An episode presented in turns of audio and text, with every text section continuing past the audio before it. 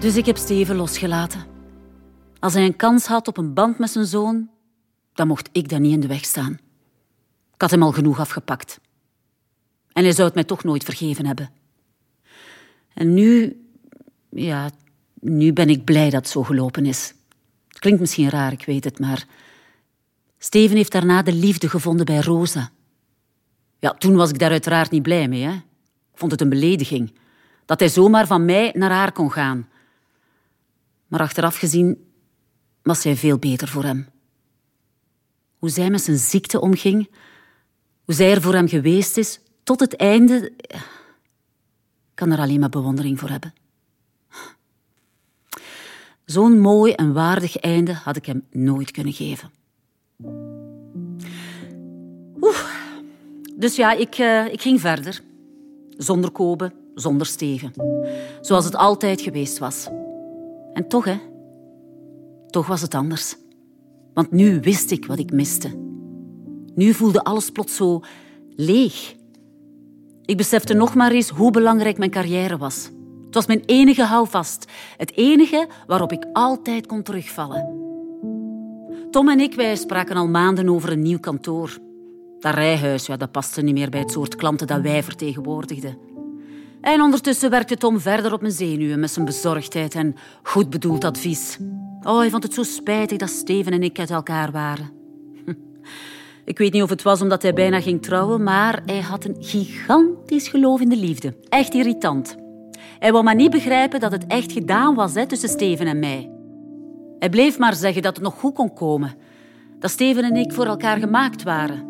Hij dacht echt dat ik het te snel opgaf. Dat ik niet genoeg vocht voor mijn relaties. Man, ik kan er echt kwaad van worden. Hè? Wat weet hij nu van vechten? Hè? Allee, serieus. Een idioot. Ik heb Tom proberen wegduwen. Dat doe ik toch niet? Ik ben Tom, ik ben een egoïstisch mens. Oké, en vroeg of laat wordt dat mijn ondergang en sleur ik andere mensen mee. Ik weet het allemaal, dus je moet het mij niet meer zeggen. Voorspellende woorden. Ik had misschien beter geluisterd toen Karen mij waarschuwde. Dat had mij veel miserie bespaard.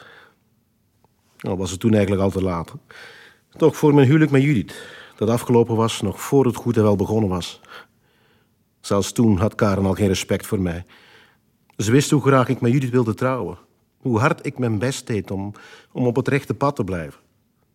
Maar ze kon het niet laten om opnieuw mijn kop zot te maken. Omdat zij nood had aan wat troost en afleiding.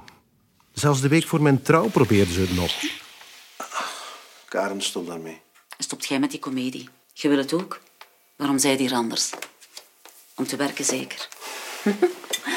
Maak dat een kat was.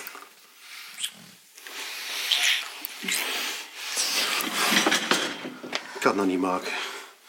En trouwens, ik wil het ook niet. Ik had nooit naar hier mogen komen. Allee, toe, blijf hier, oké? Okay? Hij is mijn enige vriend. Probeer dan ook mijn vriend te zijn. In plaats van mijn kop altijd zot te maken. Ik was verdomme eerder die dag nog bij Steven langs geweest. Om met hem te babbelen. Ik vond dat hij zijn relatie met Karen nog een kans moest geven. Ik merkte aan alles dat Karen ongelukkig was. Ze was kapot van een breuk. En ik wilde daar iets aan doen. Ach, stomme kloot die ik was. Weet je waarom ik geen vrijgezellenavond heb gevierd?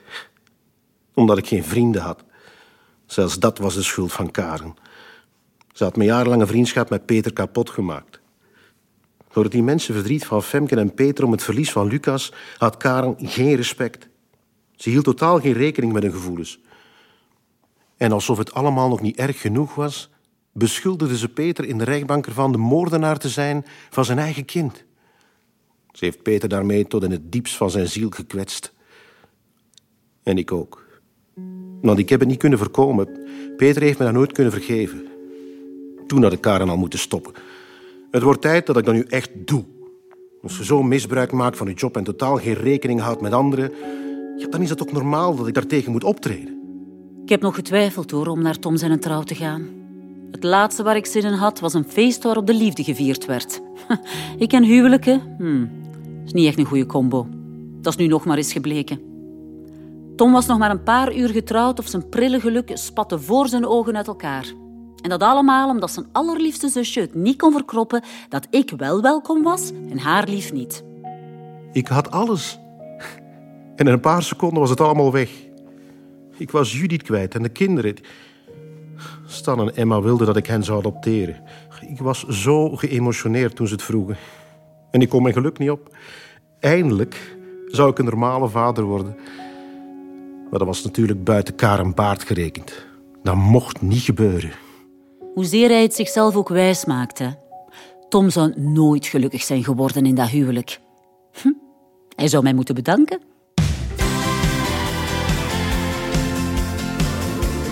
Aflevering gemist? Herbeluister deze en alle vorige afleveringen van Ik Karin via de Radio 2-app. Je bent